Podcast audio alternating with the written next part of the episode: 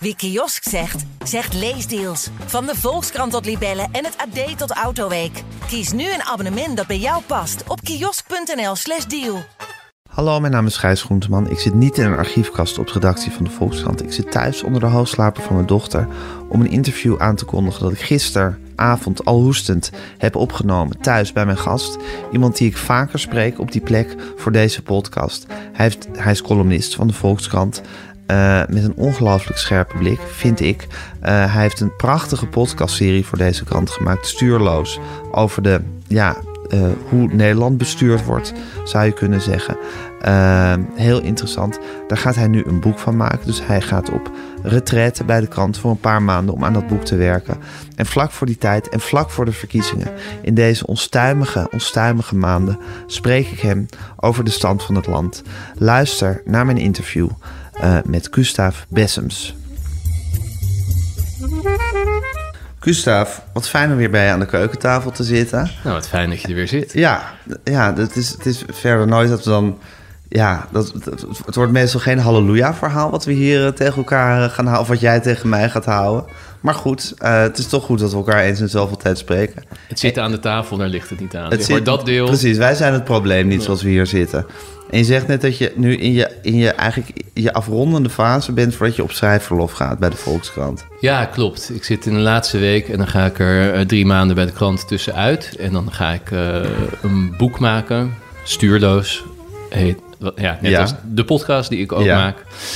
Uh, en dan ga ik opschrijven hoe Nederland beter kan worden bestuurd. Oké. Okay. En heb je al een aanzet voor dat boek, behalve het materiaal wat je al hebt opgenomen? Maar heb je al wat opgetikt? Nee. Nee? Nou, nee, dat is niet waar. Ik heb één lange mail aan mijn uitgever geschreven over waarom dit boek. Um, en uh, dat is er. Okay. En verder is inderdaad materiaal. En, en moet je gedachten. dat in drie maanden moet je dat gaan, uh, gaan maken? Klopt, ja. ja. En uh, daar heb ik heel lang tegen aangehikt. Want ik weet van vorige keren dat het eigenlijk alleen maar verschrikkelijk is om met bestaand materiaal een boek te maken. Want je zit met een soort. Met niet bestaand materiaal ook. Een boek ja, maken is het is een soort niet passend bouwpakket. Ja, ja. Je, hebt, je, hebt het, je hebt het gemaakt, maar niet voor in dit boek. Ja. Uh, dus uh, ik heb er ook, uh, ja, ik heb heel lang gedacht dat ga ik niet doen. Tot ik op de een of andere manier op een gegeven moment dacht ik ga het wel doen. En, waarom, daar ben ik nu. En waarom dacht je ik ga het wel doen? Nou, deels omdat het wel heel logisch begint te voelen. Hè? Dus het gaat misschien wel meer dan ooit over hoe dat bestuur kan worden verbeterd. Het komt natuurlijk ook door de deelname en opkomst van onzicht bij de verkiezingen. Uh, ja, en daar heb ik me nou net een paar jaar heel erg in verdiept. En ook omdat ik wel merk dat de dingen die ik nu doe, ja, ook binnen dat openbaar bestuur wel aankomen. Dus er gaan allerlei mensen mee aan de slag. En kom ook in een hele gekke positie dat ik ineens op allerlei plekken word uitgenodigd om daar dan over mee te denken, hoe dat moet. Um, ja, dus toen dacht ik, misschien is het dan wel uh, toch zinvol om dat een keertje bij elkaar te zetten. Ja, ja. En heb je ook wel een soort innerlijke innerlijk iets dat je denkt van... ik moet dit nu eigenlijk eens even gaan samenballen tot één grote gedachte. Wat een boek toch is uiteindelijk. Of een heleboel ja, kleine dus gedachten die samen één eenheid vormen. Ja, het is wel de bedoeling... Hè, dus het wordt niet een interviewbundel. Het is wel de bedoeling dat het mijn gedachten over dit onderwerp zijn... met alle mensen die ik heb gesproken, alle dingen die ik heb opgezocht... Uh, ja. alle plekken waar ik inmiddels ben geweest... Uh, en ja, uh, nou kijk, een, een innerlijke drive om een boek te maken, dat vind ik nog steeds moeilijk om uit te spreken. Want mijn verhouding tot dit nog niet bestaande boek blijft heel uh, problematisch. Maar er is wel een, uh, een gedrevenheid voor het onderwerp. Uh, omdat ik gewoon denk, ja, ik weet niet waarom ik daar gewoon bij zeg. Omdat ik denk dat dat bestuur heel erg hard nodig is, willen we de komende tijd een beetje doorkomen. Ja, ja en je denkt misschien toch ook dat er, zal maar zeggen, in alle interviews die je hierover hebt gehouden, alle columns die je daarover hebt geschreven, alle stukken die je erover hebt geschreven, dat er een soort, soort borrelend moeras van ideeën is, stel ik me zo voor, of van, van, van visies en inzichten van allerlei mensen samengebald in jou en met nog je eigen ideeën erbij. En dat je misschien toch het idee hebt dat je je moet dwingen om daar even drie maanden heel hard over na te denken en te kijken waar je dan, waar je dan komt. Ja, dus om de patronen eruit te halen ja. die ik erin denk te zien. Uh, en ook wel omdat, uh, nou, waar ik een beetje op uitkom, is dat, ook dit weer zou ik bijna zeggen, uiteindelijk om weerbaarheid draait. Dus je moet als land, als samenleving weerbaar zijn om, uh, ja, ik zou bijna zeggen, de almaar tumultueuzer tijden te kunnen doorstaan. Um, hoe mensen met elkaar omgaan, en daar kan het bestuur heel veel invloed op hebben. Uh, maar ook hoe je je in een gevaarlijke wereld uh, overeind houdt. Ja. Die ja, steeds onzekerder wordt en steeds grilliger. En dat lukt niet. Nou ja, dat is natuurlijk een conjunctuur van onzeker en grillig en tumultueus. Dat is waar, maar, ja, maar, maar goed, op, op, die conjunctuur ja, zou precies, ik wel maar zeggen... Je kan er nooit, als, je, als je op een windstille zee zit, kan je er nooit op vertrouwen dat hij voor altijd maar windstil blijft. En dan zou je er toch op voorbereid moeten zijn dat het gaat stormen op een zeker moment. Ja, en, het, en de situatie waar we nu in zitten is dat het al stormt. Uh, en dat we tegelijkertijd de basis helemaal niet op orde hebben. Ja, want, dat, want die diepe overtuiging heb je, dat we die basis niet op orde hebben. Ja, dat is letterlijk zo. Uh, hè, dus uh, een van mijn favoriete voorbeelden is altijd de Belastingdienst. Uh, dat is ja, meer bazaal uh, dan ja. dat kun je het in het bestuur niet krijgen. Ja, hè? dat dus, is de dienst waar een land op draait uiteindelijk. Ja, dat is de hele afspraak uh, die je hebt gemaakt als bevolking uh, en bestuur. wij stoppen geld in een grote pot en in ruil daarvoor hè, moet er gezorgd dat het allemaal een beetje loopt. Nou, en je kunt gewoon lezen in Kamerbrieven dat er staat: ja, we kunnen er eigenlijk helemaal niks meer bij doen op dat vlak. Hè. Je hebt dat bekende voorbeeld van die BTW op groente en fruit, die dan niet kan worden verlaagd omdat die dienst dat niet aan kan. Maar daar staat ook gewoon. Uh, ja, als er nou helemaal niks meer bij komt, dan lukt het hopelijk om over een jaar of drie, vier gewoon nog de inkomstenbelasting te innen. Uh, nou, dat is echt de basis. Ja. Um, nou, als je dan intussen ook nog hele moeilijke dingen moet doen als uh, allerlei bevolkingsgroepen met elkaar in het reinen laten leven, uh, geopolitiek bedrijven, energie onafhankelijk worden, uh, zorgen dat China de boel niet overneemt, ja, dan, is het wel, dan zijn dat wel veel dingen tegelijk. Ja, eigenlijk moet je, sorry, eigenlijk moet je de kiezers toch wel prijzen dat ze op dit vrij abstracte onderwerp de urgentie nu zo goed zien. In ieder geval de politicus lijken te gaan kiezen. Of hij, of hij het nou zal kunnen gaan waarmaken of niet. Die hier het grote kardinale punt van zijn programma van heeft, uh, heeft gemaakt. Ja. ja, maar ik denk ook dat er wel een discrepantie is tussen ja, hoe dat met name ook in media wordt beschreven. Hè, en zeker een beetje in de traditionele verslaggeving van zo'n race als inderdaad uh, proces of technisch. Of ik las bijvoorbeeld ook een column van Sander Schim Schimmelpenning... die ook zei van ja, uh, het is alleen maar proces bij omzicht... En, en niet veel inhoud. Daar kan je overigens ook over twisten. maar ik denk dat bijvoorbeeld door zo'n toeslagenschandaal... best veel mensen ervan doordrongen zijn geraakt... van hey, dingen die technisch klinken, die kunnen nogal grote uh, consequenties voor je hebben. Ja. En sterker nog, uh, ja, heel veel levens van mensen bestaan voor een heel groot deel uit die techniek, uit uitzoeken hoe dat allemaal zit. Uh, hè, met je toeslagen en, en, en hoe je dat allemaal. Ons aller leven wordt daardoor bepaald, natuurlijk. Ja, exact. Ja. Dus, dus er is een beetje een vreemde neiging om zodra iemand een specifieke regeling uh, noemt, hè, om meteen, uh, oh, oh, oh, dit kunnen de mensen niet aan, uh, nu wordt het wel heel technisch.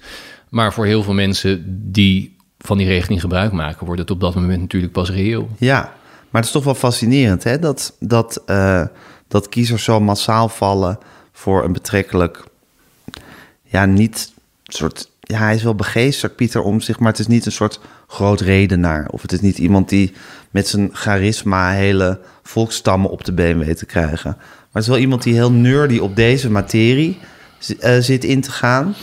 Ja. En mensen hunkeren daar blijkbaar naar. Ja, en, en er hangen denk ik ook wel degelijk dingen aan zijn uh, persoonlijkheid.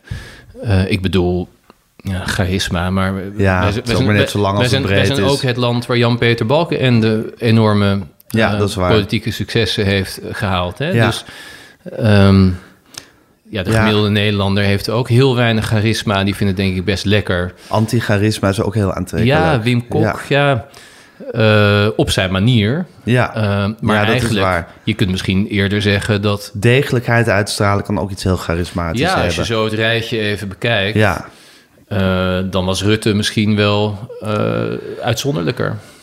ja. ja, je hebt natuurlijk types, types als Lubbers, Rutte. Ja, dat van, uh, Lubbers, van, Lubbers Agt was, was wel natuurlijk ook een soort won- wonderlijk Ja. iemand. Nou, Fortuyn natuurlijk. Dat zijn allemaal meer soort mensen met een gebaar. Ja, extraverter. Extraverter. Ja. Ja, en maar juist, juist de, de andere liefde van de Nederlandse kiezer... is juist een beetje de, een de nerd. studieuze boekhouder... die het allemaal, allemaal heel netjes zit na te Ja, kijken. en alles net iets te serieus neemt. Ja, ja. Maar het is toch wel, het is wel, eh, nou wat ik net al zei, te prijzen in elk geval. Dat, het, dat, dat, dat dit onderwerp de kiezer heeft wakker gekust in elk geval. Ja, je, je vindt- de kiezer verdient complimenten. De kiezer jij. verdient compliment. Nou ja, goed, je kan, je kan natuurlijk ook achter een of andere populistische schreeuw lelijk aangelopen. Dat Ja. gebeurt ook veel. Zeker. Maar je kan, dit, je kan dit onderwerp ook op waarde schatten en zeggen van... nou, nu, het is misschien wel goed als iemand hier eens gewoon heel serieus en ernstig naar gaat kijken. Nou, eigenlijk is, is die, eh, die rentree van de kiezer naar het normalere speelveld is met BBB eh, al gebeurd. Ja, Eh, dus veel mensen vonden het vreemd dat ik positief schreef eh, Ja. over de opkomst van BBB en van Caroline van der Plas. Maar ehm, als je het niet zozeer bekijkt van wat is nou exact jouw politieke voorkeur binnen dat speelveld, maar de vraag eigenlijk meer stelt: hou je de mensen überhaupt binnen het speelveld van de democratische rechtsstaat? En je zat al heel lang, en overigens nog steeds, hè, dat is nog niet weg. Als je kijkt naar de PVV, die staat bijvoorbeeld ook nog steeds best hoog. Maar je hebt natuurlijk op een gegeven moment eh, ja, met Baudet en Forum zaten mensen echt heel ver. van, het democratische, van de democratische principes. Ja, ja. ehm, en dan is het natuurlijk op dat moment best zorgelijk van zijn die mensen nog wel eh, te winnen voor partijen die eh, in elk geval de basisprincipes respecteren. En overigens is een deel dat niet. Hè? Dus eh, dat is een beetje geruisloos. Maar ook die partij pelt altijd nog op een paar zetels. Nou, het is, het is bekend dat er, geloof ik, honderdduizend Nederlanders zijn of zo... die zich echt ook voor zichzelf officieel van het systeem hebben afge... Dat zijn de autonomen. Ja, de, hè, Ja. dus een soort ant- anti-institutionele extremisten... met enige geweldspotentie zelf. Dus dat is er allemaal ook. Mhm. Uh, maar je ziet dus inderdaad dat er toch een hele grote groep vatbaar is uh, voor politiek die gewoon gaat over hoe gaan we het precies regelen, met Ja. wat voor maatregelen uh, en niet alleen maar destructief. Ja, en daar vond je de BBB ook al bij horen. Zeker. Misschien wat, wat, wat, wat uh, losser in de uitwerking dan uh, omzicht dat is. Maar ze zijn in ieder geval niet antidemocratisch. Ze zijn in ieder geval niet antidemocratisch. Nee, en, en Van der Plas heeft zelfs op een paar heel belangrijke momenten, denk ik, daar dat ook heel nadrukkelijk uitgesproken. Er zijn momenten geweest dat zij heel nadrukkelijk afstand nam van al die complottheorieën. Juist ook toen ze merkte dat dat voor een deel van haar eigen achterban ook speelde. Ja. Uh, dus uh, daar was ook, ook, best enige moed bij. Ja. Nou, dat er vervolgens allemaal ideeën zijn die je slecht vindt, of niet onderbouwd vindt, of onzinnig, Zeker. of dat het lijkt dat ze het soms aan tafel bedenkt. Ja. Uh, ja, dat is allemaal te bekritiseren, Ja. maar dat, ja... Het heeft niks te maken met de rechtsstaat ondermijnen in elk geval. Nee. nee. nee. En dat is toch in ieder geval prettig. En hoe, hoe, hoe, hoe bezie jij deze campagne nu? Uh, je schreef daar een heel goed stukje over afgelopen zaterdag. Uh, de, de, de, campagne, hoe, hoe, je, je vroeg je af hoe we later zouden terugkijken op deze campagne.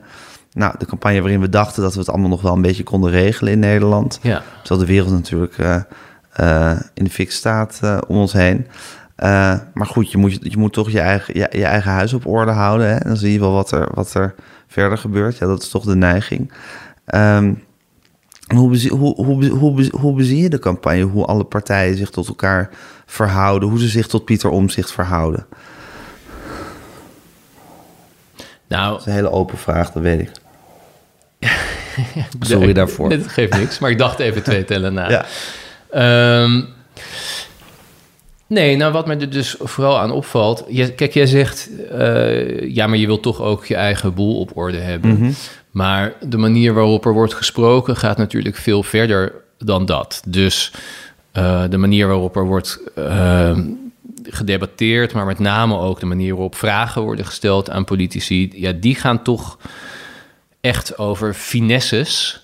Eh, van hoe Nederland zou moeten worden ingericht. En dan kan je zeggen dat dat heeft wel zin, want op grond van die antwoorden leer je ze dan kennen. En dan weet je in elk geval ook welke richting ze op Ja. gaan. En je weet ook wel dat het allemaal niet. je bedoelt nu hoe politici ondervraagd worden. Eh, ja, naar hele specifieke eh, dingen die bijna nog steeds, vind ik, een beetje in de sfeer zitten van alsof wij een land zijn wat vervolmaakt eh, Ja, ja. moet worden. Dus bijvoorbeeld de mi- minimumloon 2 euro omhoog of naar beneden. Ja, En, wat is, dat voor gevolgen zal Zeker. hebben. En dat heeft natuurlijk voor die mensen die dat loon ontvangen echt hele grote gevolgen. Dus al die thema's, bestaanszekerheid, wonen, migratie, hè, ik wil er allemaal niks eh, aan, afdoen. afdoen.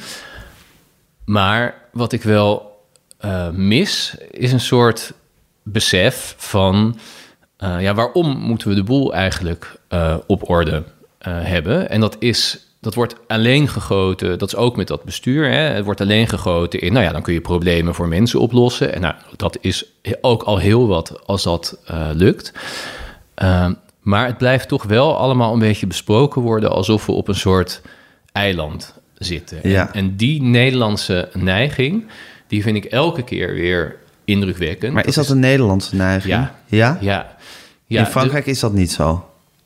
Nee, ik denk dat, dat heel veel andere landen... eh, ook omdat ze daar misschien, als, je- als je een groot land bent, zoals Frankrijk, speel je daar ook een actieve rol Ja. in natuurlijk. Dan doet het ertoe wat je Ja. vindt over de wereldpolitiek. Maar in Nederland doet het op een andere manier nog veel meer toe. Wij zijn een van de meest open landen die er zijn. Hè? Dus we zijn helemaal afhankelijk van die wereld. Wij zijn geen militaire macht. Dat is wie wij zijn. Dus, dus wij, wij handelen erop los eh, met Jan en Alleman. Nou, langs die weg hebben we ook wel enige invloed als economie. Maar daar zijn, dat betekent dus ook dat precies het gebied waarop nu een hele heftige, felle geopolitieke strijd plaatsvindt, namelijk de, de afhankelijkheden, daar zijn wij super kwetsbaar. En qua leger zijn we niks. En ehm, Maar leg dat van die afhankelijkheden eens uit. nou, ehm, ik heb Haroon Sheikh in mijn reeks te gast gehad. Dat is iemand die dat heel goed kan uitleggen, maar, maar het is op zich wel... eh, gaat het daar nu ook wel veel over? Een, heel bekend voorbeeld is natuurlijk eh, Poetin met eh, de gaskraan. Dus de filosofie is geweest, een beetje vanaf de jaren negentig... als wij de hele wereld aan elkaar knopen van afhankelijkheden... dan wordt het vanzelf vrede. Want ja, als Poetin ons gas levert en wij voeren spullen uit... en daar importeren we en zo exporteren... zijn we allemaal zo van elkaar afhankelijk. Waarom zou je dan ooit nog oorlog gaan voeren? En eh, wat, eh, ja, achteraf denk je, dat is best logisch. Hoe hebben we dat niet kunnen zien? Maar die afhankelijkheden zijn natuurlijk zeer asymmetrisch. Eh, wij hebben er veel meer last van als Poetin de gaskraan eh, dichtdraait... Ja. dan ja, die sancties die wij daar achteraf Ja. tegen Rusland... Er zijn natuurlijk sommige dingen veel essentiëler voor, je, voor je voortbestaan. Ehm, dus en, en mogendheden als Rusland en China, die zijn hier ook al heel lang heel serieus mee bezig. Met het, ehm, eh, het creëren van steeds meer van die afhankelijkheden en het manipuleren eh, via die afhankelijkheden. En Nederland is een heel afhankelijk land. Ehm, en nou, ik bedoel, als ik een beetje zo zit te zoeken, dan is het ook niet alsof niemand het erover heeft. Dus Laurens Dassen van Volt, die zegt daar wel dingen over. Eh, eh, Pieter Omtzigt ook wel. Maar ik vind het ook grappig hoe dat gaat. Want eigenlijk als je dan hoort wat ze zeggen, dan zou je denken, nou, dat, dat moet landen daar zal men even stil van zijn. Hè? Ja. Dus, eh, dus Omtzigt heeft het over het aanleggen van voedselvoorraden en een Ja. plan voor zelfvoorzienendheid als er helemaal niks meer, als de schepen met soja niet meer komen aanvaren. En, en wat, ja, waarvan ik wel denk dat het een beetje een Nederlands trekje is, eh, is dat wij dan toch eh, ja, schaapachtig knikken en even wachten tot het gewoon weer gaat over een koopkrachtplaatje of iets anders wat we gewend zijn eh, van de verkiezingen. Ja, ook wel vergelijkbaar. We hebben elkaar natuurlijk veel gesproken in de coronatijd. Ja. En hoe het daar ging. Maar natuurlijk vergelijkbaar met, met die tijd. Gewoon een soort weigerachtigheid om ook in rampscenario's te denken. Zeker, Ja. hè? dus ik herinner me bijvoorbeeld... Nou, je had ook een campagne in coronatijd... maar ik herinner me ook op een bepaald moment... algemene politieke beschouwingen... en die waren nog midden in de pandemie. En buiten, weet je wel, liep dat totaal uit de hand op dat moment. Het zat tegen code zwart aan. En in de plenaire zaal, eh, ja, daar was men inderdaad weer... een beetje met eh, ja, euro's marginaal Euro's aan het Aan het schuiven. schuiven, ja. ja, ja. ja. Ehm, en, en ook, ehm, ja, in de verwerking of niet-verwerking eigenlijk van die pandemie. Ehm, eh, het is achter de rug, hè? dat is de houding. En het gaat er ook Niet meer over. totaal niet nee. meer over. Nee, dus, er wordt een rapport geschreven over wat er goed is gegaan en wat er niet goed is gegaan. Ja. Er wordt een analyse gemaakt over de fouten die er gemaakt Ja, zijn. En, en het enorme de, de belang, lering die en het enorme belang om voorbereid te zijn. Want niet alleen hè, dit soort zoonoses zullen meer voorkomen, maar eh, nou ja, die Onderzoeksraad voor Veiligheid die, die zond een reeks eh, van mogelijke rampspoed op, hè, Ja. biologisch, nucleair, Ja. noem het allemaal maar op. Ja, en nu hebben we een casus gehad waarin we getest Ja, zijn. Op, alle, op allerlei manieren door het ijs gezakt. En dan zou je denken, dan is er ook nu een serieus maatschappelijk debat van hoe, ja, dit, dit nooit meer. Hoe zorgen we nou dat, dat we volgende keer beter eh, voorbereid zijn? Ehm, maar ja, het is, veel mensen vinden het gewoon iets heel onprettigs om aan terug te denken. Een nare tijd, het is achter de rug. Eh, dus we gaan verder en, en net zo eh, onvoorbereid, vermoed ik, eh, als we toen waren. Ja, ja. Dus eigenlijk wat ik zeg van je moet toch eerst je eigen huis een beetje op orde hebben. En dan kan je. Het is ook een beetje een onnozel trekje. Nou, het ligt aan hoe je dat definieert. We zijn ons huis dus helemaal niet op orde Nee, aan dat het is waar. brengen. Nee. We zijn, we zijn Het is meer optisch een beetje. Precies, we leggen Ja. leuke kussentjes neer Ja, eh, op de bank. Eh. Iemand heeft nog een geinig eh, kandelaartje gevonden, antiek. Zet dat op een plankje. Ja. En, nou, Maar het verhult de teringzooi eigenlijk. Ja, daaronder, Daaronder, die daaronder leeft. zit, zit heel veel eh, rot en heel veel kwetsbaarheid. Zeker. En dat Eh. is dan in het puur Nederlandse systeem. En dan om deze metafoor nog maar even aan te houden. Wat er dan buiten het huis gebeurt. Ja. Daar kijken we eigenlijk al helemaal niet. Ja, we zien het wel, maar Nee, niet... gewoon wanneer het Ja. gebeurt weer. Ja. Dat is een beetje... Ja, inderdaad. Nee, inderdaad. We zien het wel. We zien wel weer waar de volgende oorlog eh zich voordoet. Ja. ja, ja. Kijk, eh, eh, bijvoorbeeld, eh, ja, waar ik in mijn hoofd wel veel mee bezig ben, is dat een, een enorme kans is eh, dat over, nou, over ongeveer een jaar zou die dan worden gekozen en over iets meer zou die er weer zitten, dat we gewoon weer Trump, Trump. hebben in Amerika. Eh, en dat we de eerste ronde eigenlijk nog maar een, een voorproefje hebben gehad van hoe hij zich zal Ja. manifesteren. En dan kan gewoon van het ene op het andere moment kan de steun aan Oekraïne over zijn. En dan hebben wij eh, aan onze oostgrens een zeer agressieve, expansieve, nucleair bewapende eh, dictator met ambities. ja. Ehm, En die razend is. Ook dat nog. Maar goed, dat is hij. Dat, is, dat, dus- is- dat, dus- mag, dat mag dus nooit een argument dus, zijn. Dus maar dat had ergens Ja. in die debatten een vraagje kunnen zijn, eh, denk ik dan. Van, goh, Wat te doen als... ja, hoe kijken we er tegenaan? Zijn Ja. we daarop voorbereid? Kunnen we dat als EU aan? Eh, en dat maakt ook om toch... Hè, en dan voeg ik toch in bij een... eh, eh, bij een populair onderwerp uit de campagne wat heel flauw lijkt. Namelijk, wie wordt er minister-president mocht een nieuw sociaal contract de verkiezingen winnen. Ja. En daar zegt Omtzigt allerlei behartenswaardige dingen over... dat het een primus inter pares is en dat we hem te belangrijk hebben gemaakt. Dat is voor een heel groot deel heeft hij daar gelijk in. Eh, maar het is ook eh, degene die twee dingen doet. Namelijk, hij vertegenwoordigt ons in deze gevaarlijke wereld... op het internationaal toneel. En dat is misschien de komende jaren wel een van de belangrijkste dingen die er moet gebeuren. Dan zou het toch fijn zijn om te weten of dat iemand is die dat aan kan. Ja.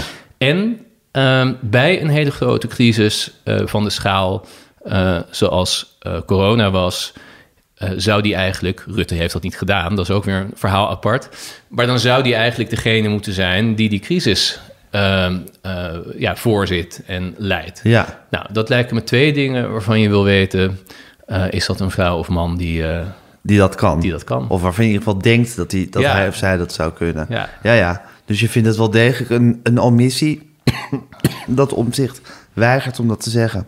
Ja, om deze redenen. Ja. Ja. Omdat het wel degelijk heel belangrijk is. En zijn argument van dat is staatsrechtelijk eigenlijk niet wat we nu doen. De minister-president kiezen, want we kiezen een Tweede Kamer. Dat doet toch Ja, nee, geen dat- op geld. Ja, dat is, dat is helemaal waar. En, dat, dat, en, en voor de reguliere binnenlandse onderwerpen eh, gaat dat ook op. Maar dat de minister-president internationaal heel belangrijk is geworden. Dat er gewoon veel gremia zijn waar je als regeringsleider eh, naartoe moet. Eh, ja, dat kunnen, we, eh, kunnen wij vanuit ons staatsrecht irritant vinden. Maar dat is zo. Ja, het is ook gewoon een kwestie van geen zin erin hebben. Geen zin, geen zin om je erin te verdiepen. Geen zin om, om, om eh, die narigheid te aanvaarden en te denken hoe je daarin moet leven. Dat is ook een soort afleiding om gewoon ja, het over onbelangrijke dingen te hebben. Ja, tuurlijk. Nee, Ja. Het is allemaal heel psychologisch, is het allemaal heel begrijpelijk eh, dat dat een copingmechanisme is. Ja, Ehm, ja, dan moeten de mensen die op verantwoordelijke posities zitten of daar graag op gekozen willen, moeten dan toch daar wel een beetje over die hebben. zouden zo flink moeten zijn om te zeggen... jongens, we moeten het hier wel even over hebben. Ja, en ik denk ook helemaal niet dat dat. Het is altijd moeilijk om in te schatten hè, wat kiezers nou bindt of afschrikt. Ja, Maar ik denk niet dat dat per se eh, meteen heel slecht zou uitpakken eh, electoraal. Ik denk ook dat er een geruststelling kan zitten. Eh, want aan de ene kant zijn mensen er misschien, hebben het er misschien liever niet over. En aan de andere kant, ja, eh, ziet iedereen natuurlijk gewoon het nieuws en, en voelt wel aan dat er een hoop aan de hand is. En ik denk dat er ook wel een geruststelling kan zitten in iemand die eigenlijk twee dingen doet. Ten eerste, ik zie dat en ik heb het erover en ik ben aan het nadenken over hoe we daar het best doorheen komen. En aan de andere kant, dat is ook nog wel iets wat ik eigenlijk mis in deze eh, campagne, eh, ook ja, mensen een beetje mobiliseert eh, ergens voor. Hè, dat is, het is natuurlijk in het begin ook wel een beetje gegaan over, over gemeenschapszin, Ja. bijvoorbeeld. Maar dat is eigenlijk ja, nu wel een beetje verdwenen uit het gesprek, voor mijn gevoel. En ik denk dat ook dat iets is wat eigenlijk meer mensen dan nu wordt ingeschat prettig zouden vinden als er ook een beetje ja, een beroep op hen wordt gedaan. dat is toch wat om zich ook heel erg doet. Ja, Het maar is doet hij dat heel erg? Nou, het is toch een contract met de burger wat hij wil sluiten. En dat, Ja, dat maar- van, van wat verwachten we van de burger, wat verwachten we van de overheid enzovoort.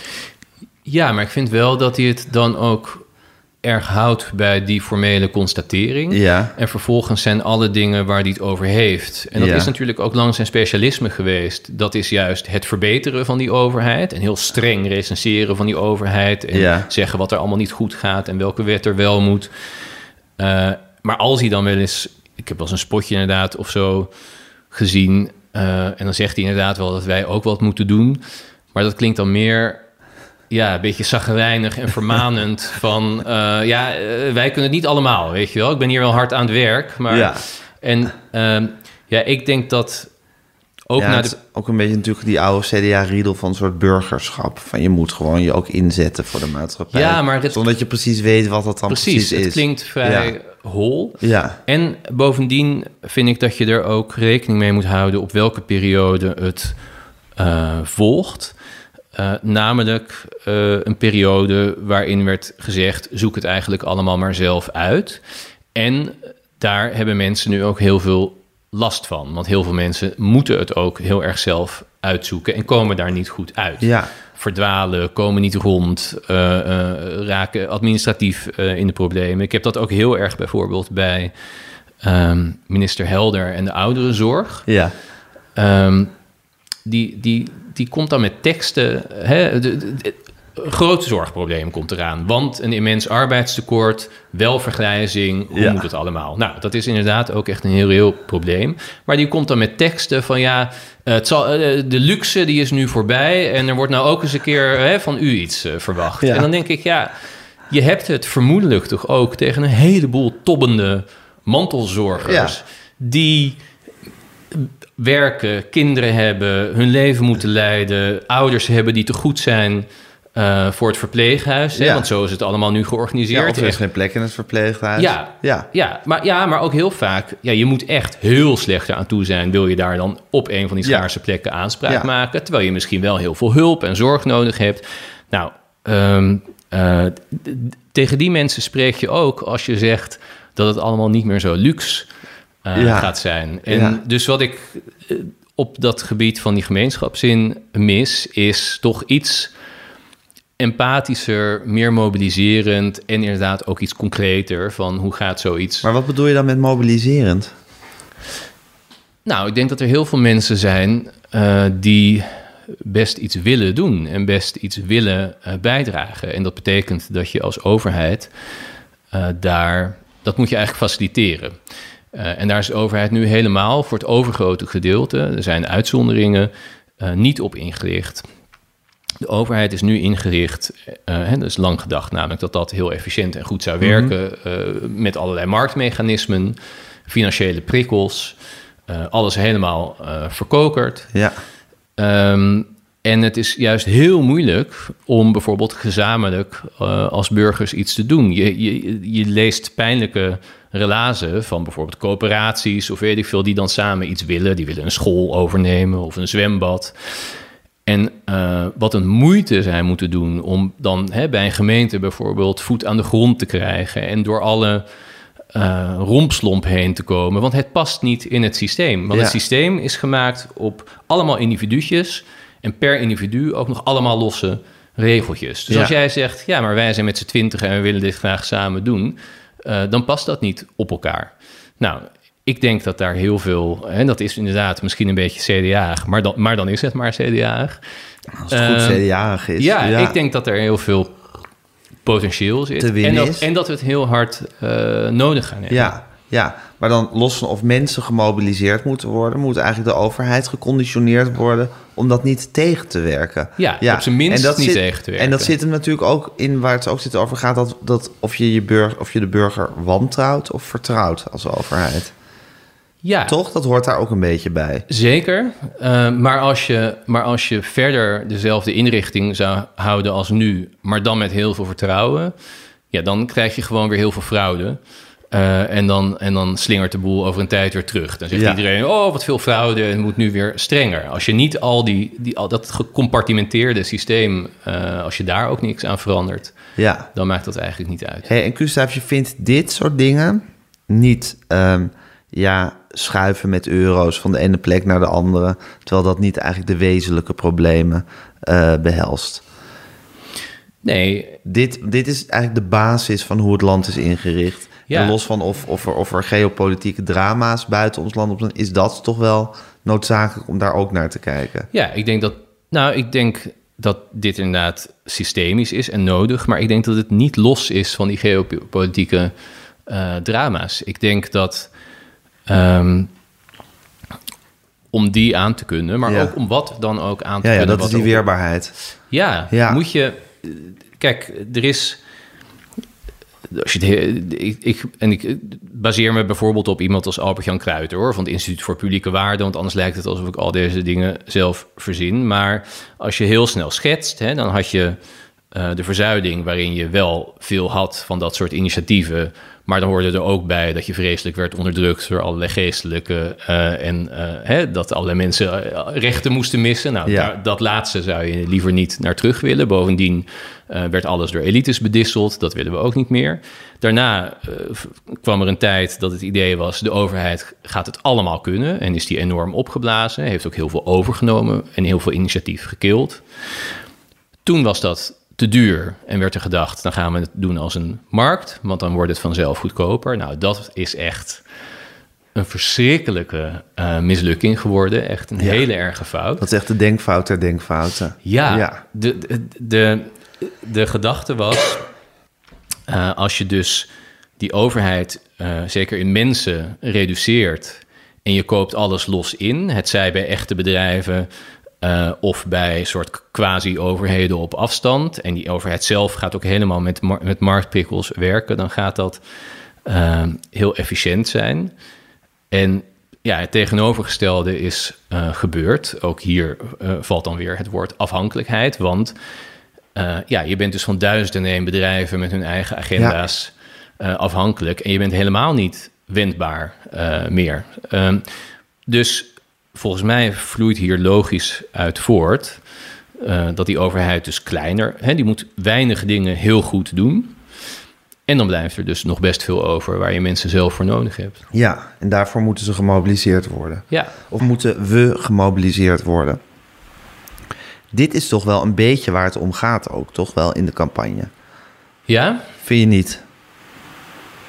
Ja, misschien volg jij hem wel beter dan ik hoor. Want Denk ik moet zeggen niet. dat ik ook niet alles. Nou, maar ik kijk ook niet helemaal alles. Ik moet eerlijk zeggen, ik heb speciaal voor dit gesprek heb ik nog even bijvoorbeeld het RTL-debat gekeken. Eh, Een heel vreemd, vreemd debat waar Frits Wester steeds als een soort Ja. doorheen zat te praten. Ja, Ehm ja daar was inderdaad... College daar Tour was, heb ik gezien. Daar was die mevrouw die, ehm, die ehm, eh, haar demente moeder verzorgde. Ja, nee, en daar dat dus was- inderdaad ja. klem in dat systeem zat. En toen zei Dylan Jezilgus, nou eigenlijk, eigenlijk eh, minister Helder napraat. Ja, we moeten toen die- naar slimme zorg. Klopt, die Ja. echt minister Helder. Ja. ja. Dat, dat soort dingen. Ja, maar Pieter Omtzigt ontbrak ook in dat debat. Ja, en de andere... ehm, nou, er zaten wel een paar dingen in, eh, nu je het zegt, die hieraan raakten. Ehm, er werd... Maar het kl- het klonk misschien een beetje simpel. Want Jezilgus die beschuldigde de rest ervan... eh, je kan het allemaal niet oplossen met alleen maar meer geld. En eh, waar komen die mensen dan vandaan? Ja, en dat is bijvoorbeeld ook iets wat Wouter Bos tegenwoordig graag zegt in zijn hoedanigheid van baas van Mensis, de verzekeraar. Ja. Hè, je kan op je kop gaan staan, maar die mensen zijn er niet. ja, En ik denk dat dat inderdaad eh, een hele moeilijke boodschap is voor mensen die met die zorg te maken hebben of erin werken. En dus dag in dag uit die extreme inefficiëntie eh, ervaren. Hè? Ja. Dus bijvoorbeeld een, een appartementengebouw.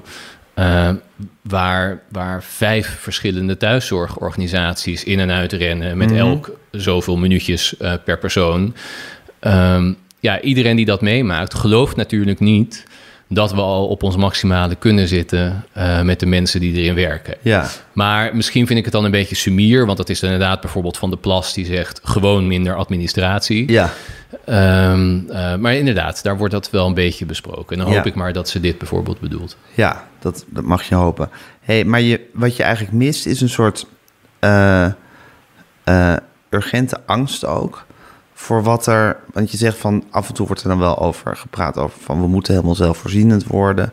Er moeten voedselvoorraden aangelegd worden voor als er helemaal niks meer binnenkomt. Ja, of Eh, iemand als Dassen bijvoorbeeld. Hè, we moeten snel helemaal Europees integreren. Ja, Ehm, nou, er stond een stuk van Frans Timmermans eh, in Trouw... en daarin vergelijkt hij deze periode met eh, vlak voor de Eerste Wereldoorlog. Dat, ja, dat, eigenlijk best wel forse teksten. best wel een heftige vergelijking. Ja, maar het gaat gewoon voorbij. Ja, maar dat vind je eigenlijk wonderlijk dat, er, dat daar niet een soort acute paniek over. eh, Nou, ik ben altijd heel erg tegen angst en paniek. Oké, een acute.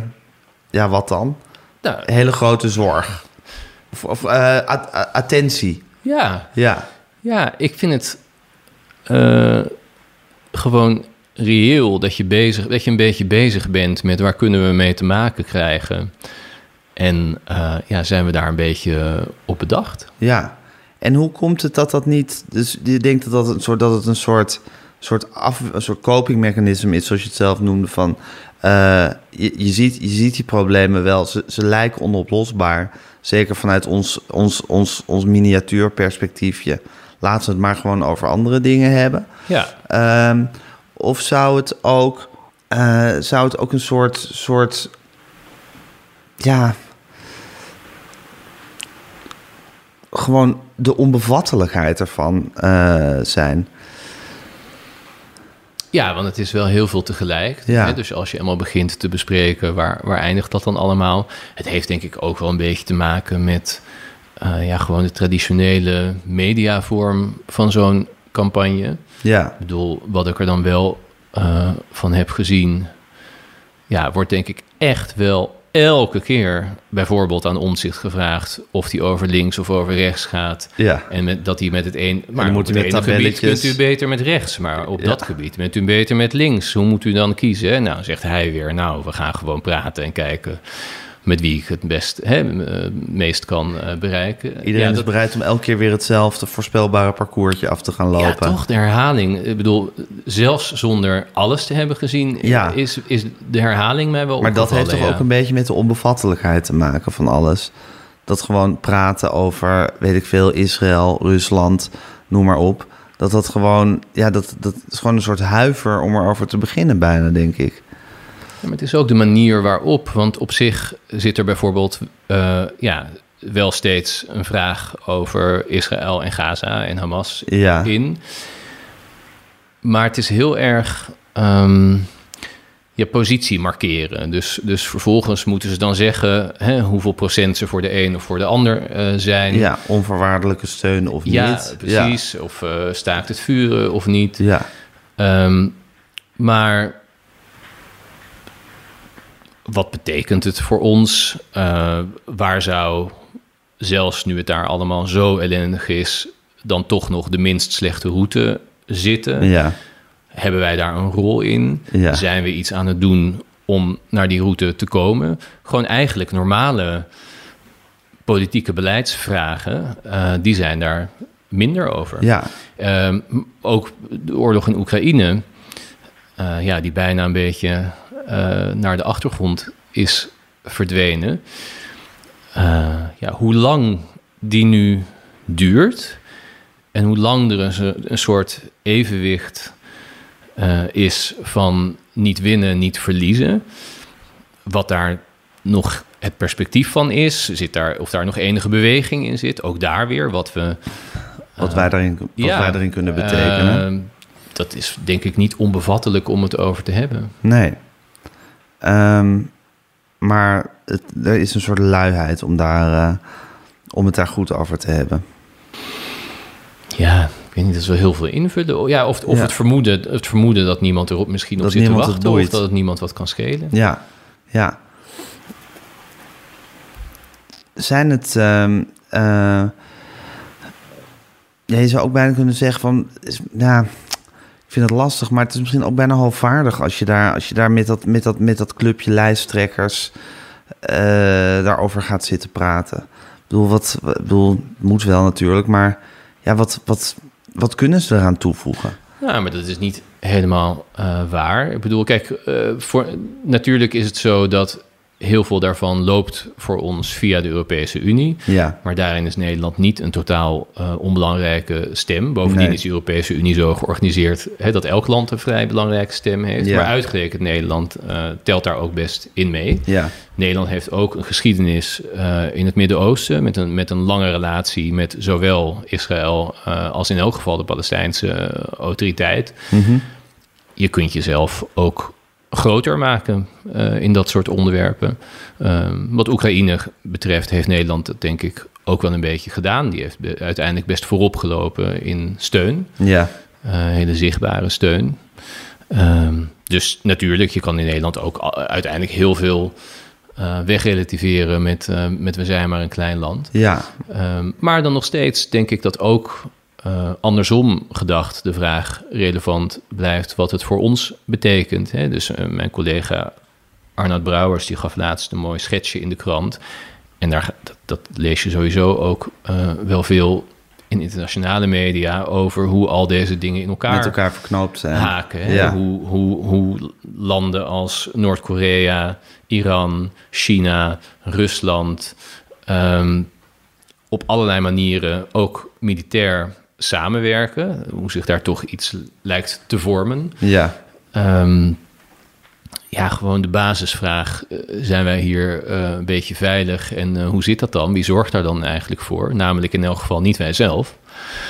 Ehm, ja, zou ik wel benieuwd naar zijn. Ja, heb je daar zelf, denk je daar zelf wel eens over na? Over het antwoord daarop?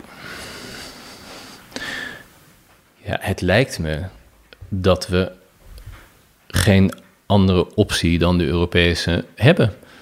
Als je ervan uitgaat dat de Verenigde Staten, waar zo lang op vertrouwd is, Ja. tot op dit moment zo'n kwetsbare partner is, om het zo maar even te zeggen. Eh, in de persoon van Biden ook, eh, ook Ja, kwetsbaar. Letterlijk kwetsbaar, Ja. ja.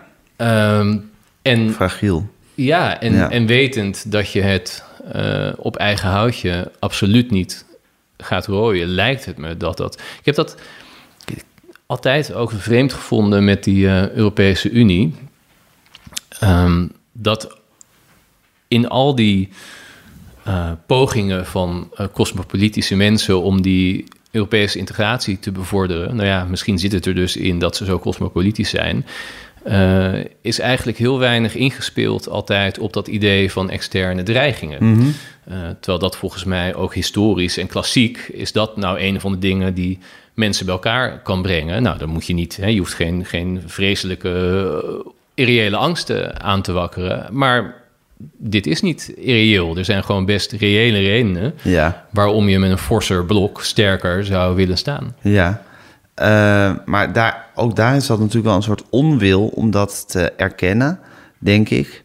En misschien een soort, soort diep ongeloof dat het echt zou kunnen gebeuren. na de Ja. Tweede Wereldoorlog. Ja, en een enorme arrogantie. Hè? Dus het, het, het- nou ja, heel, een open deur, maar wel waar. Het gevoel dat hier heeft geheerst... dat wij het zo fantastisch voor elkaar hebben... dat het een kwestie van tijd zou zijn... voordat de wereld zich precies naar ons, Naar ons zou evenbeeld voegen. ja, Ja. zou eh, herscheppen. Eh, ja, dat is heel naïef en heel arrogant geweest. Ja, ja, zeker. Maar daar, wa- wa- daar was men, daar waren we, ik bedoel niet allemaal uniform, maar goed, daar was het, het groot deel wel heel erg van doordrongen van dat idee. Ja. Of heel erg van overtuigd van dat idee. Ja, het is ook verleidelijk, want we hebben het ook echt eh, Zeker. beter. Het Als- is gewoon een veel beter systeem natuurlijk. Ja. Vrij, democratisch, welvarend. Hè? Wie wil het niet, zou je zeggen. Ehm, eh, maar ja, het, het gaat niet helemaal vanzelf. Ja. Is het, ehm, ehm, ehm, vind je het ook niet fascinerend hoe dat, dat hele kleine snippertje land eh, in het Midden-Oosten, eh, dat het toch een soort, soort, soort de, ja, de hartklop van de wereld is bijna? Eh, en dan bedoel je... Israël. Ja. Ja, en, en gewoon alle volkeren die zich daar verzameld hebben en met elkaar moeten zien te rooien. ja, is het de harteklop van de wereld? Nou, het is wel, het is wel een soort. Het voelt wel als, het, als, als de navel of zo, of als, als de plek waar het, waar het, waar het, waar het samenkomt. Eh, vanwege die diep religieuze eh, betekenis ook natuurlijk. Eh, het is zoiets wat de wereld nooit onberoerd laat. Nee, dat is waar. Dus er komen, en er komen natuurlijk ehm, door de aanwezigheid van Israël, ja, komen daar inderdaad ook heel verschillende religies en culturen bij elkaar. Ja, en één land met, met steun van die naïeve, arrogante wereld waar we het net Ja. over hadden. Ja, maar ik, zie- het is toch meer, ik zie het toch meer als een hele lange opeenstapeling van hele ongelukkige omstandigheden dan als een kloppend hart of eh, dat ja. nou, een kloppend hart is misschien wat pathetisch gezegd. Maar ehm, er zijn meer plekken op de wereld waar een hele lange geschiedenis van ongelukkige beslissingen en omstandigheden is geweest. En waar toch niet zo eh, alle aandacht altijd op gericht is. Nee, maar dat heeft, dat heeft denk ik daar eh, veel meer mee te maken. Hè? Wat natuurlijk vaak wordt gezegd, ook als een soort whataboutism... van waarom maken jullie zo druk om Palestijn? En dan wordt er natuurlijk een, een hele reeks Andere volken ja, genoemd, andere die volken het ook heus genoemd, niet vaak moslims hebben. tegen moslims. En daar gaan er Ja. ook eh, heel veel eh, dood. Ehm, ja, dus dat, dus dat speelt mee. Dat het, dat, er, dat het zulke verschillende volkeren zijn. Maar ook dat het een beetje een vooruitgeschoven post van het Westen is, politiek. Ja. ja, van het Westen en ook van het Midden-Oosten. Het is, het is, Ja. het is, het is, het is op, voor, voor, veel... Voor, het is voor veel mensen een vooruitgeschoven post. Zeker, Ja. ja. En, ja, en het is een schaakbord. Hè? Dus, eh, dus het is ook iets... Nou ja, waar, we hadden het net eh, al even over Iran. Dat speelt daar natuurlijk eh, een rol. Dus het is ook... ja, iets waar heel veel van die mogendheden iets op projecteren. Maar waarom dat nou precies zo is... Ja, dat, Dat is gaat mijn raadselachtig. pet ook te boven. Ja. Is het, vind het, vind je het een hele rare, vergel- of een hele rare eh, opmerking van Frans Timmermans... dat hij het vergelijkt met de tijd voor de, tweede, we- voor de Eerste Voor de Eerste Wereldoorlog? Nou, eh, in dat stuk werkte hij dat niet helemaal uit, maar hij, ehm, want hij relateerde dat wel ook aan ehm, eh, de aanslag van Hamas op 7 oktober en natuurlijk de Ja. enorm oorlogzuchtige reactie van Israël daarop. Dat dat een soort moment zou zijn, een trigger. En waar ik vermoed dat hij aan refereert, is dat de Eerste Wereldoorlog vaak wordt geschetst als een oorlog die niemand wou en die toch begon, doordat er een soort opeenvolging van gebeurtenissen in gang werd gezet die maar niet eh, stopte. Ja. Ehm, dus nee, dat is misschien niet gek als je de mate van escalatie nu al ziet en ook hoe dat al die samenlevingen die die oorlog volgen wereldwijd ook weer splijt.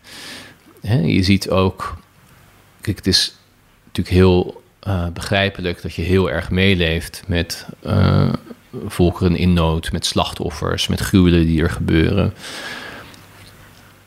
Maar er is ook wel een soort totale identificatie eh, gaande. Ehm, dat heeft denk ik ook wel veel te maken met de mate waarin je het nu meekrijgt via beelden. Hè. Het schijnt dat je eigenlijk van oorlogsbeelden getraumatiseerd kunt raken zonder het mee te maken. En ik heb zelf ook het idee dat de mate van identificatie inmiddels verder gaat dan die, eh, dan die voorheen ging. En dat is wel een risico, want je hebt ook niet betrokken buitenstaanders nodig die erover nadenken uh, en uh, deescaleren en partijen in het gareel houden. Um, en dat is toch een heel andere rol dan alleen maar identificeren en steunen. Zonder, hè, zonder iets af te doen dat je natuurlijk uh, van mens tot mens gewoon wilt dat er geen, niet nog meer doden vallen. Um, ja, dat, dat, dat mis ik. De, uh, de koele afstandelijkheid. Ja, ook hier weer wat meer praten in termen, denk ik, van strategie.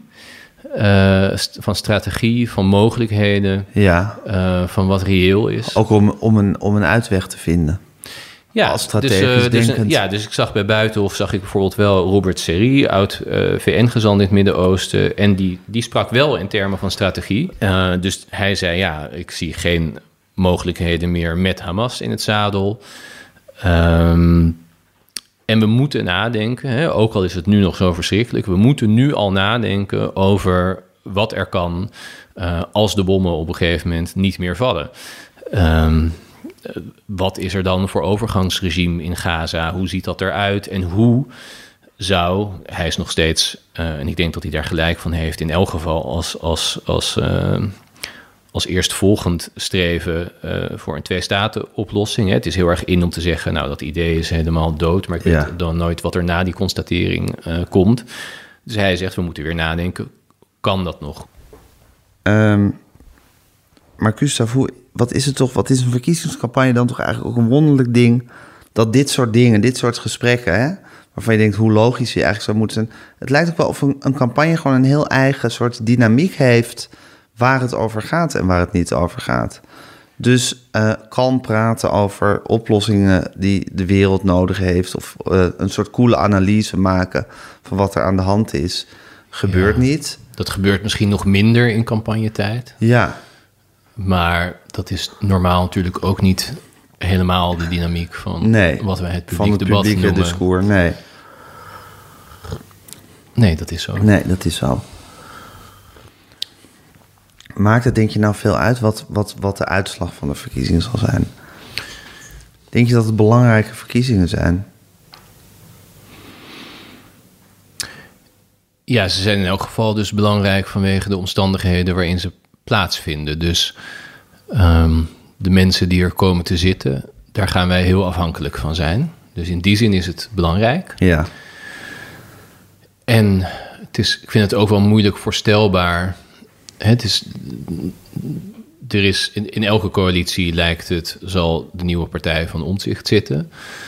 Uh, nou, zonder dat elk idee van die partij fantastisch is, um, hebben die zich natuurlijk wel een plicht op de schouders gehaald om een aantal dingen, bijvoorbeeld de controle vanuit de Tweede Kamer op de regering, om maar wat te noemen, om dat echt anders en serieuzer te doen.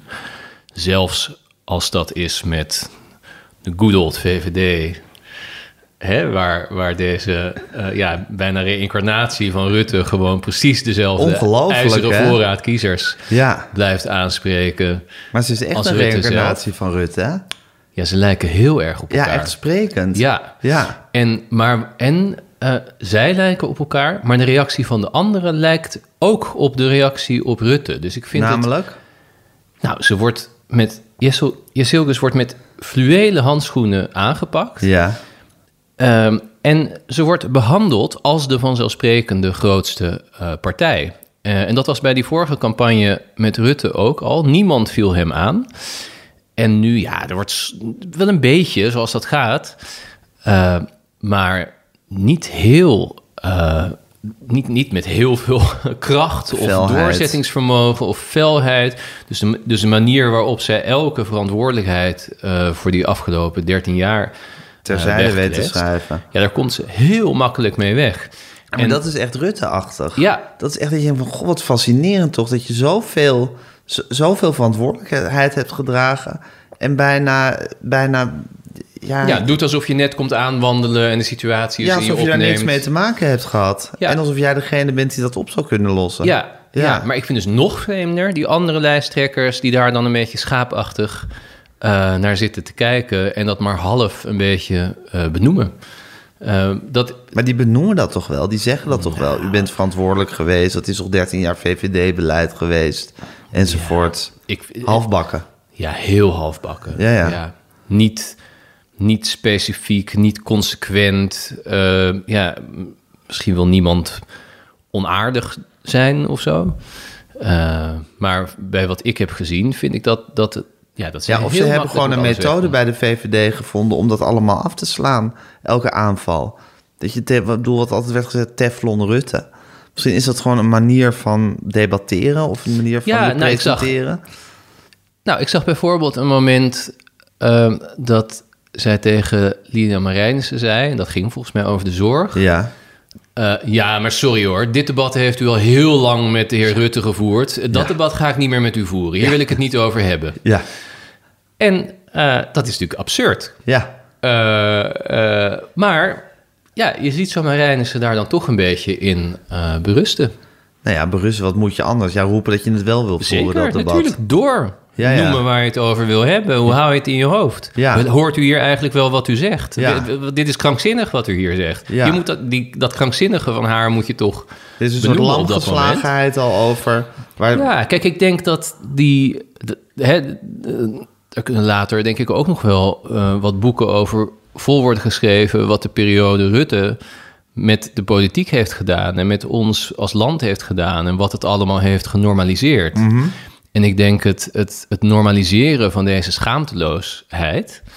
ehm, ja, dat is één van die dingen. En, en het lam slaan. Kijk, nou, volgens mij hebben we het hier wel vaak over gehad, dus laten we het niet te lang doen. Maar, Nee. de- maar degene zonder scrupules heeft gewoon altijd een enorm tactisch voordeel bij degene met. ja. Ze, zo iemand doet de hele tijd dingen die niet in jouw register eh, zitten. Dit, natuur, hè, dus in, dat dan weer een beetje ter verdediging van Lilian Marijnissen. Die Ja. denk ik wat dat betreft gewoon wat meer zoals jij of ik of een ja. heleboel andere mensen in elkaar soort moreel zitten. besef. Daar, je, dat, is natuurlijk, dat verwacht je natuurlijk niet. Dus je, je verwacht misschien diezelfde uitvluchten eh, over Ja. de zorg weer... of eh, een verhaal over hoe het nu beter gaat. Maar dat iemand eigenlijk gewoon zonder blikken of blozen zegt... ja, sorry, geen zin in. En, dat, en, en ja, dat is... Maar Gustav, zoals ik net de kiezer een compliment maakte... Hè? Ja, ja, ja. dat wilde deze- ik een scha- klein schouderklopje geven, de kiezer... over het feit dat die bestuurscultuur als belangrijk thema omarmd is... op de manier waarop Nederland georganiseerd is. Niet per se een sexy thema, maar wel een belangrijk thema. Eh, moet je de kiezer dan toch eigenlijk ook weer een beetje... ja, nou minacht is misschien een groot woord... maar toch wel ook even bes- bestraffend toespreken... over dat ze, dat ze hier die politici altijd maar mee weg laten komen. ja, ja, ja, zo zie je toch dat die kiezer echt met meer dan één is. eh, Ja. Natuurlijk. Ja, ja en Eh. dat het toch ook voor een heel groot deel psychologie is. Want zoals het psychologie is dat je je eigenlijk af wil wenden van grote, bijna onoplosbare en heel bedreigende problemen. En het liever wil hebben over iets kleins. Is het misschien ook aantrekkelijk om je gewoon bij de persoon te voegen die fluitend door het leven lijkt te gaan. Ja, nou ja, die en- alles van zich af kan laten gewoon, glijden. eh, en gewoon eh, belang. Hè, er zijn natuurlijk ook best veel mensen die stemmen gewoon vanuit hun belang. Ja. En ook onder eh, weliswaar slechte voortekenen zijn er in Nederland natuurlijk nog ontzettend veel mensen met een heel goed leven. En Ja. die stemmen voor behoud van dat goede leven. Eh, ja, hun ik- huis, hun bezit, niet Ja, te veel ja. belasting daarover toe Ja, betalen. en als dat dan ook nog eens gecombineerd gaat met eigenlijk een beetje het, het blokken van die boze buitenwereld. Dus, dus natuurlijk is het de, de aantrekkelijkheid van de persoon. Maar de belofte is eigenlijk ook eh, ja, dat je op, op twee vlakken kunnen we houden wat we hebben. Jij persoonlijk hè, met, je, eh, eh, met je bezittingen en je welvaart, maar eigenlijk ook wij als land. Ja. Ja. Leg jij vertrouwen in Pieter Omtzigt? In welke zin? als Nou, persoon of eh, wat hij waar gaat maken? Ja, of zijn beweging? Vind je dat iets hoopgevends? Ja, ik vind het goed nieuws dat die beweging er is. Ehm, ik vind het heel onvoorspelbaar ehm, wat er van gaat worden. Dat kan ook niet. Volgens mij kan het niet anders dan heel onvoorspelbaar zijn als iets zo snel uit de grond is gestampt. Ehm, het, het, het, het, het toch uiteindelijk niet geworteld zijn, niet gegroeid zijn eh, van onderop. Hè? Dus het, het neemt allemaal een soort omgekeerde route. Eerst is hij er. en de dan zijn er, ja, dan zijn er mensen om hem heen. Dan een programma. Ja. Dan leden. Ehm, dus ja, dat lijkt, me, dat lijkt me gewoon echt 50-50 welke kant dat op eh, kan gaan.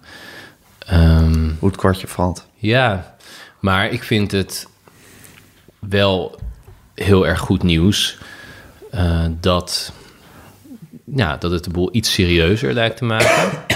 eh, op allerlei terreinen, waar we het in het begin een beetje over Ja. hadden. Van het gaat over echt over allerlei onderwerpen waar het voorheen niet over ging. Ja. En ook, denk dat het ook de sfeer wel iets serieuzer heeft gemaakt. Hè, de, de- zoals, zoals Jesselgus eh, en voorheen Rutte invloed hebben ook op hoe de anderen zich gedragen, heeft hij denk ik ook wel invloed gehad Ja. op hoe de anderen zich Ja. eh, gedragen. Ehm, ja, en volgens mij is inhoud is net heel erg in zwang. Ja, Ja. ja. en dan kan je daar vervolgens natuurlijk weer cynisch over doen. Hè? Dat, Zeker. Dat, dat wordt voor een deel dan misschien ook weer een trucje, maar dan heb ik toch liever dat trucje. Ja, ja. En het feit dat hij dat die, dat die, dat die, dat die, dat die inrichting, organisatie van Nederland, dat dat zo'n centraal thema is geworden. En Ja. dat hij dat, dat, dat zijn, zijn belangrijke punt is. Ja. Dat is op het goede moment, denk ik. Zeker, en dat, er, en dat er dus kiezersgroepen worden eh, aangesproken. Dus de, je zou het kunnen zien in die zin bijna als een vervolgstap op de BBB. BBB komt de eer toe dat een grote groep kiezers binnen het systeem heeft gebracht, maar met nog niet heel veel om handen, eh, om het zo maar te zeggen. Eh, en nu heeft niet helemaal precies dezelfde groep, eh, maar voor een deel denk ik ook wel, wel echt ook iets te doen. Ja, grappig dat dit land gewoon toch altijd door het CDA geregeerd wordt. Dat het, dat het vervuilt en zich in een andere gedaante toont. Maar Ja, ik denk ook dat we.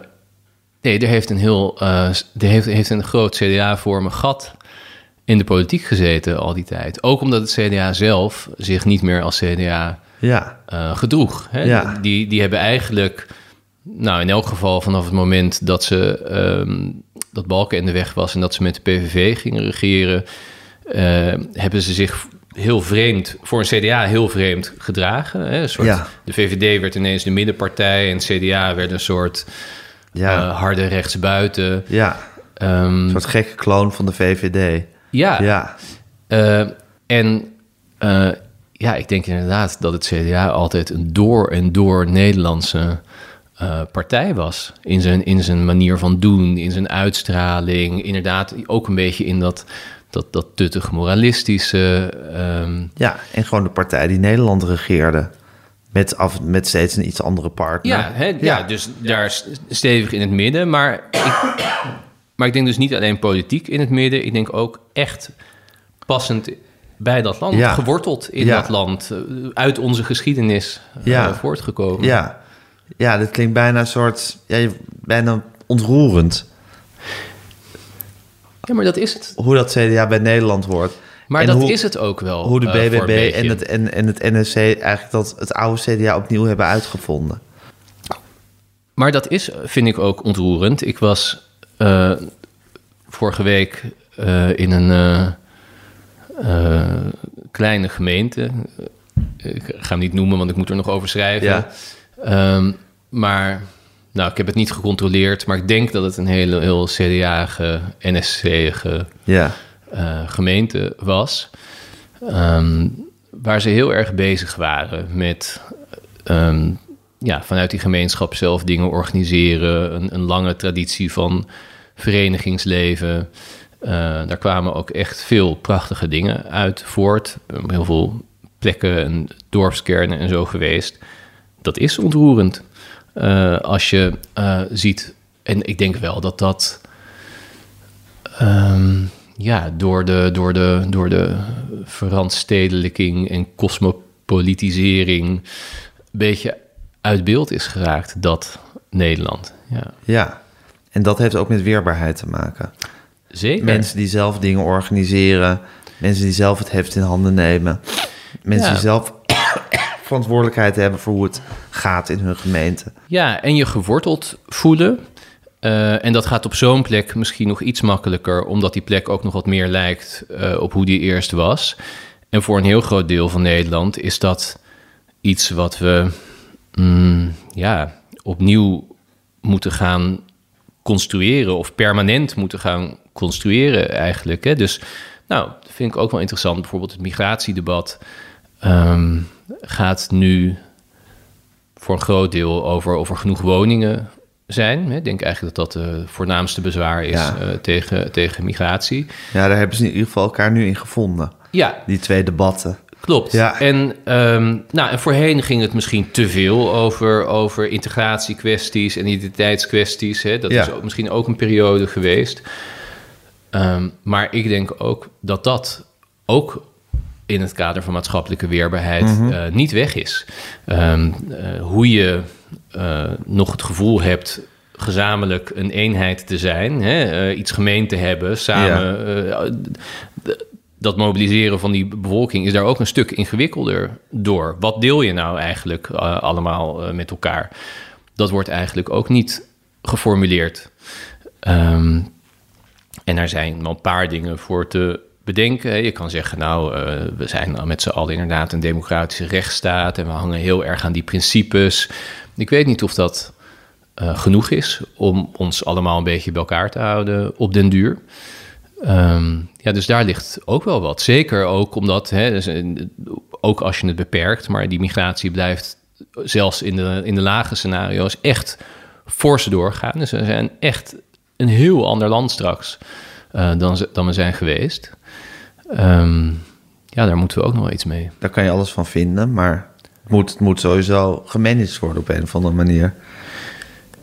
Ja, hoe, het wordt ingewikkelder om met z'n allen eh, door en deur te kunnen. Hè? Ik, bedoel, ik moet er nu aan denken, omdat we zitten een beetje terug te blikken op dat Nederland van het CDA. En dat, Ja. dat, dat was er denk ik ook wel echt. Ja, eh, als een hele belangrijke hoofdstroom. Ehm, en dan kan je zeggen, nou was toen ook al land van minderheden met verschillende geloven. Maar het was natuurlijk vergeleken bij nu ontzettend homogeen. zeker. Ehm, ja, dat zijn we straks niet meer. Hoe, hoe, hè, je ziet, ik bedoel, je ziet natuurlijk heel scherp al in reactie op Israël en Gaza. dat, loopt niet, dat loopt ook langs politieke lijnen, maar dat loopt voor een deel ook langs eh, lijnen van bevolkingsgroepen. Eh, en we zullen ook op dat punt meer worden uitgedaagd nog. Ja, ja en, maar het is natuurlijk ook een soort... eh, dat wat dat betreft die spreidingswet natuurlijk wel heel interessant. Een soort weigerachtigheid om dit nog een soort gezamenlijk te dragen, dit, eh, dit probleem of dit proces zou je eigenlijk kunnen zeggen. Is natuurlijk, als je dat met z'n allen doet, is het natuurlijk alweer een stuk makkelijker. Als iedereen zich ervan afwendt. Ja, Maar goed, ook dat is weerbaarheid natuurlijk. Je, je, je moet het er eigenlijk eerst over eens worden wat het überhaupt voor proces is. Ehm, en ehm, kijk, ik ben het er bijvoorbeeld wel mee eens dat het echt te ongecontroleerd is. Ehm, bijvoorbeeld, je hebt zo'n discussie soms over eh, geen hek rond Europa of wel een hek rond Europa.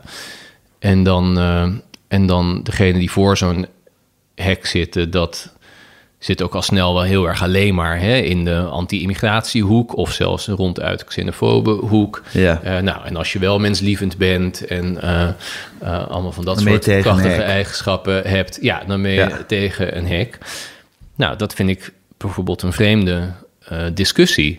De, de grenzen, hè, die zijn er al best lang eh, en buitengewoon functioneel. Mhm. Echt wel met een reden zijn die her en der gelegd. Ja, Eh, namelijk omdat je een te organiseren eenheid Bent. eh, bent. en moet zijn. Ja, en, en, en, en, eh, en ik snap wel dat het ingewikkeld is. Ik weet wel dat de Europese buitengrenzen moeilijk in elkaar zitten... en dat het allemaal hè, een hele tour zou zijn om het, om het goed te organiseren.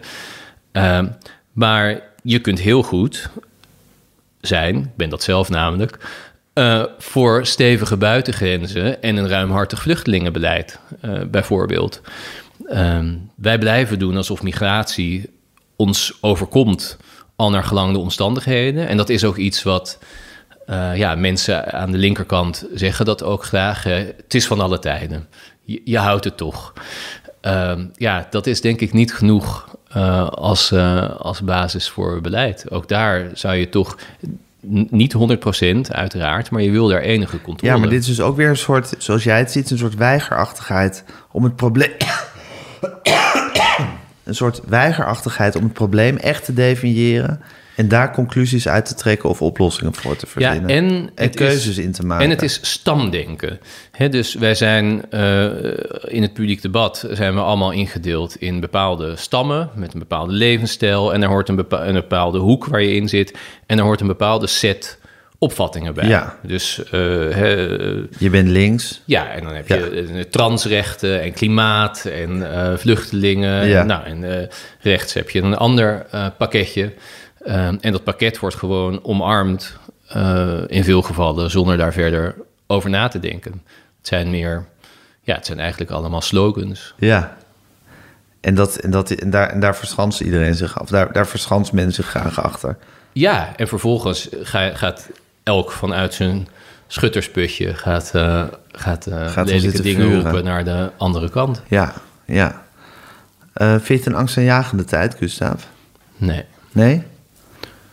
Nee, maar ik weet niet of ik dat... Dat zou ik denk ik echt vinden als hier nu acuut fysiek gevaar zou dreigen. Ik denk dat dat de enige situatie is waarin ik dat zou vinden. Ja, ja. En je hebt het idee dat het zover nog niet is. Nou ja, wij zitten hier gewoon met een kopje thee en...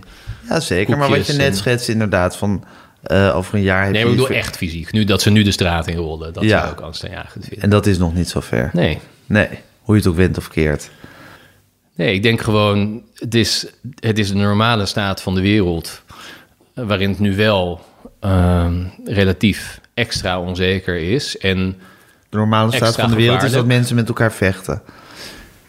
Bedoel ja, je? en dat er hele grote, dat er grote, gevaarlijke, dreigende omwentelingen, gebeurtenissen, onvoorziene omstandigheden. eh, ja, zo gaat het. Ja. Daar moeten we ons de hele tijd toe verhouden. Ja, ja. Dus hoef je over niets... Nou goed, je moet je wel druk om maken, maar dat is niet iets nieuws. Eh, of iets, iets heel uitzonderlijks. Nee, je kan je daar heel rustig druk om maken. Ja, ja, maar omdat je tegen angst en paniek bent. Ja, dat zit, nou, en dat zit ook in de weg. Als dat de enige twee standen zijn eh, die je hebt, Ja. namelijk doen alsof het er niet is eh, of paniek, ja. Ja. dat is alle, je hebt aan allebei eh, helemaal niks. Nee, nee. Dus de coole analyse is de enige manier waarop je, je, waarop je de uitweg kan ja, vinden. en natuurlijk, ehm, er is gewoon een plek voor emoties. Ik bedoel, de eerste week na die Hamas-aanslag was ik helemaal kapot. Ik was persoonlijk helemaal kapot. Ehm, en dat, is, dat hoort er allemaal bij, Mhm. dat we zo reageren op eh, gruwelijke gebeurtenissen. Je schreef toen in je column, ik heb nu niets anders te bieden dan verdriet. Ja, Ja. en dat was op dat moment ook even zo. Ehm, maar ja, daarna hebben we toch ook gewoon eh, een beetje de burger, nou wij burgerplicht. En, Ja. en de mensen die we gaan kiezen nog een bijzondere plicht daarbovenop. Eh, om niet te blijven hangen in, in, in een emotie of een copingmechanisme, maar om te gaan nadenken en vooral ook om dan dingen te gaan doen. Ja, ja. Nog even twee dingen, Gustav. Want eh, over Rutte, hè. Ehm, we hebben natuurlijk heel erg inderdaad die manier van leiding geven... en volstrekt immuun zijn voor eh, dingen die goed of fout zijn gegaan. Vooral daar eigenlijk vooral voor immuun voor zijn. Heel erg aan de persoon Rutte opgehangen. Maar het is misschien wel gewoon een manier van werken, blijkt nu. Aangezien hij nu zijn eh, gereïncarneerd is eh, in je zielgus, wat dat betreft. Ja, dat is ook nog wel vroeg om te zeggen. Het is nog vroeg om te zeggen. Je weet niet hoe ze zich- Nee, wat we dus in die zin moet. Dat is dan goed dat je daarop terugkomt, want dan, dan kunnen we dat een beetje nuanceren. Ja, Eh, kijk, wat we kunnen waarnemen is dat zij dezelfde campagnetactiek Ja. hanteert. ja en debattechniek. Ja, het, het, is, het zou heel unfair zijn om nu al te concluderen dat zij dan ook de komende jaren in alles Ja. zo gewetenloos gaat opereren als haar Als voorganger. Rutte. Ja, dat is raar om haar aan te wrijven. Het is heel goed mogelijk dat ze een tactiek gebruikt, maar dat er bij haar wel dingen zijn die haar echt kunnen schelen. Ja. Die indruk heb ik eigenlijk zelfs wel. Ja, ja, dat als er onder haar leiding duizenden mensen vermalen zouden worden door de overheid, dat ze wel gewoon Ja, haar conclusies zou Dat ze zich dat aantrekt. Ja. Eh, eh, ja, Ja, ja. Dat, ik vermoed eigenlijk Want dat het wordt gewetenloos, durf je gewoon, dat, dat, dat vind je op Rutte helemaal van toepassing. Zijn gedrag, ja. Ja, ja. Hey, en als je het hebt over, eh, over strategisch denken internationaal gezien. Rutte is nu als een soort, soort bij aan het rondvliegen Ja. van hot naar her en met mensen aan het praten. Is, heb je het idee dat hij strategisch aan het nadenken is? Hij heeft in ieder geval wel iets cools en berekenends daarin. Ja, maar ik heb toch geleerd eh, om er bij hem altijd van uit te gaan eh, dat, er, dat er gewoon twee wetten zijn. Eén is, als hij iets zegt, kan altijd net zo goed het tegenovergestelde waar zijn. En de tweede wet is, eh, hij is bezig met zijn eigen positie. Ehm, dus ik, een zin die ik bijvoorbeeld vaak bijna heb opgeschreven in een column en elke keer niet heb opgeschreven, eh, was dat ik, ik wilde dan schrijven van nou, met betrekking tot Oekraïne ben ik toch wel blij dat Rutte er zit, want die steunt Oekraïne zo. Maar dan dacht ik toch elke keer, ja, maar eh, zou die nou echt met Oekraïne bezig zijn of met de NAVO? Ehm, hè, en het is niet, we kunnen niet uitsluiten dat het was met allebei. Ja, En, en, en, en ik vind dus iets goeds, die steun aan Oekraïne.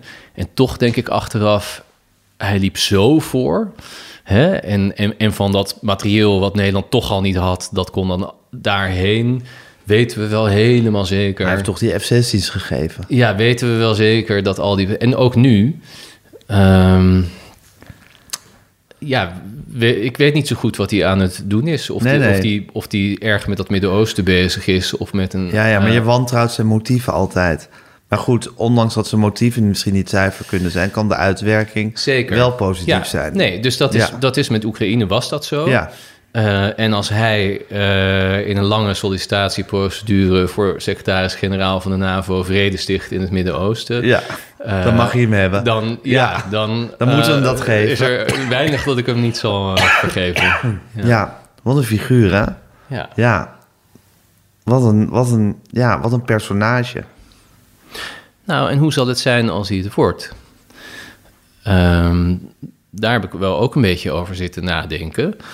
Ehm, dus die NAVO, die zou ook wel eens een hele zware tijd eh Tegemoet kunnen gaan. Maar die wordt sowieso getest.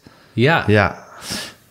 En ik weet het oprecht niet. Dus, dus is het dan handig dat daar een soort hele eh, flexibele, inhoudsneutrale pragmatist zit? Ja, Uh, of gaan we merken dat we straks daar, stel dat iets wordt, hè, daar ga ik even vanuit, uh, gaan we straks daar ook heel erg missen dat er iemand zit die bijvoorbeeld verder vooruit kijkt. Hè. Dat is natuurlijk, als je kijkt naar het patroon van, van uh, die 13 jaar Rutte, alles wat nu vast is gelopen in het land, daar is natuurlijk het patroon in dat je altijd. Uh, je, had, je had vroeger zo'n spelletje Tetris. ja. Uh, heel verslaafd ja, geweest. Nou ja, zo vind ik, zo heeft hij. Uh, ja, ja. Gewoon die blokjes, komen blokjes net aan en zo. En een regel wegwerken. Ja, maar op Ja. een gegeven moment komt er toch uiteindelijk een punt. Het onhandige blokje. Ja, dat, Ja. dat die blokjes zich opstapelen en boven je scherm eruit lopen. Nou, dat is volgens mij waar Nederland nu Ja, maar- is. Ja, en hij is dan weer handig genoeg om net op tijd... Hij voelde dat aankomen, toen is hij weggegaan. Ja, en gaan we nou, als hij het wordt bij de NAVO, wordt dat een Tetris-spelletje waarbij het handig is dat hij eh, snel blokjes op hun plek kan leggen. Want je, het is natuurlijk ook eh, ja, pendelen en mensen op een lijn krijgen, Ja. lastige partijen. Nou, Ja. daar heeft hij duidelijk wel. Of heb je echt een schaker Een nodig talent- die, die vooruit denkt? Ja, die, die Ja. ook de strategie Die van de hele bord NAVO en overziet. die geopolitiek en ja, eh, standvastig blijft tegenover eh, Erdogan of Trump of weet ik het. Dat, eh, dat vind ik wel eh, spannend. Ja, hoe dat gaat. Ja. Denk je dat Trump gaat gekozen worden als de volgende president in Amerika? Wat, de, wat gewoon wat ja, denk daar weet ik toch net zo weinig van als Weet iedereen ik. die dit hoort. Weet ik, maar dat kan je toch, kan, ieder, kan toch aan iedereen die dit hoort het vragen? Nou ja, we kunnen gewoon kijken naar de situatie nu. Ja. En dan is er, eh, en dat is op zichzelf hè, eigenlijk natuurlijk, eh, ja, zou het verbijsterend moeten zijn dat hij de enige serieuze republikeinse kandidaat Ja. is. Eh, hij peilt goed overal tegen Biden en hij peilt goed in cruciale staten tegen Ja. Biden. Dat Ja. is waar we nu zijn. Ja. Het zou toch wat zijn, hè? Ja, en er lekken plannen uit, hè, uit zijn omgeving. eh, dat er eh, ja, echt een soort schoonvegen van het apparaat komt. Loyaliteitsverklaringen, Ja. wraak. Hij moet wraak natuurlijk. Ja, Ja. dus eh, ik weet niet, hij is ook oud, hè? Hij oogt altijd minder fragiel, maar is maar een klein beetje minder oud. Ja. En niet heel fit. Nee. Nee. Dus, toch misschien hebben we straks wel twee hele andere kandidaten. Ja, dat zou fantastisch zijn. Nou ja, Gustav, we gaan eerst even de Nederlandse verkiezingsavond eh, meemaken. Ja, En dan gaat het sowieso ondersteboven gekeerd worden hier. En eh, spannend, spannend wordt het hoe dan ook. het is in elk geval wel in heel veel opzichten even Iets nieuw. nieuws. Eh, en niet helemaal van tevoren in te kleuren. Dat heeft Ja. op zichzelf wel iets prettigs. Ja, dankjewel. Dit was eh, Met Groenteman in de Kast met Gustav Bessems. Mijn naam is Gijs Groenteman. Eh, redactioneel geholpen door eh, Fanny van der Rijt en Tamar Bot. Alles netjes in uw oortjes bezorgd door Julia van Alem. Overzien door Corine van Duin. U kunt ons mailen podcasts.volksstand.nl. U kunt ons volgen op Instagram, @metgroenteman. En geef ons toch vooral lekker veel sterretjes.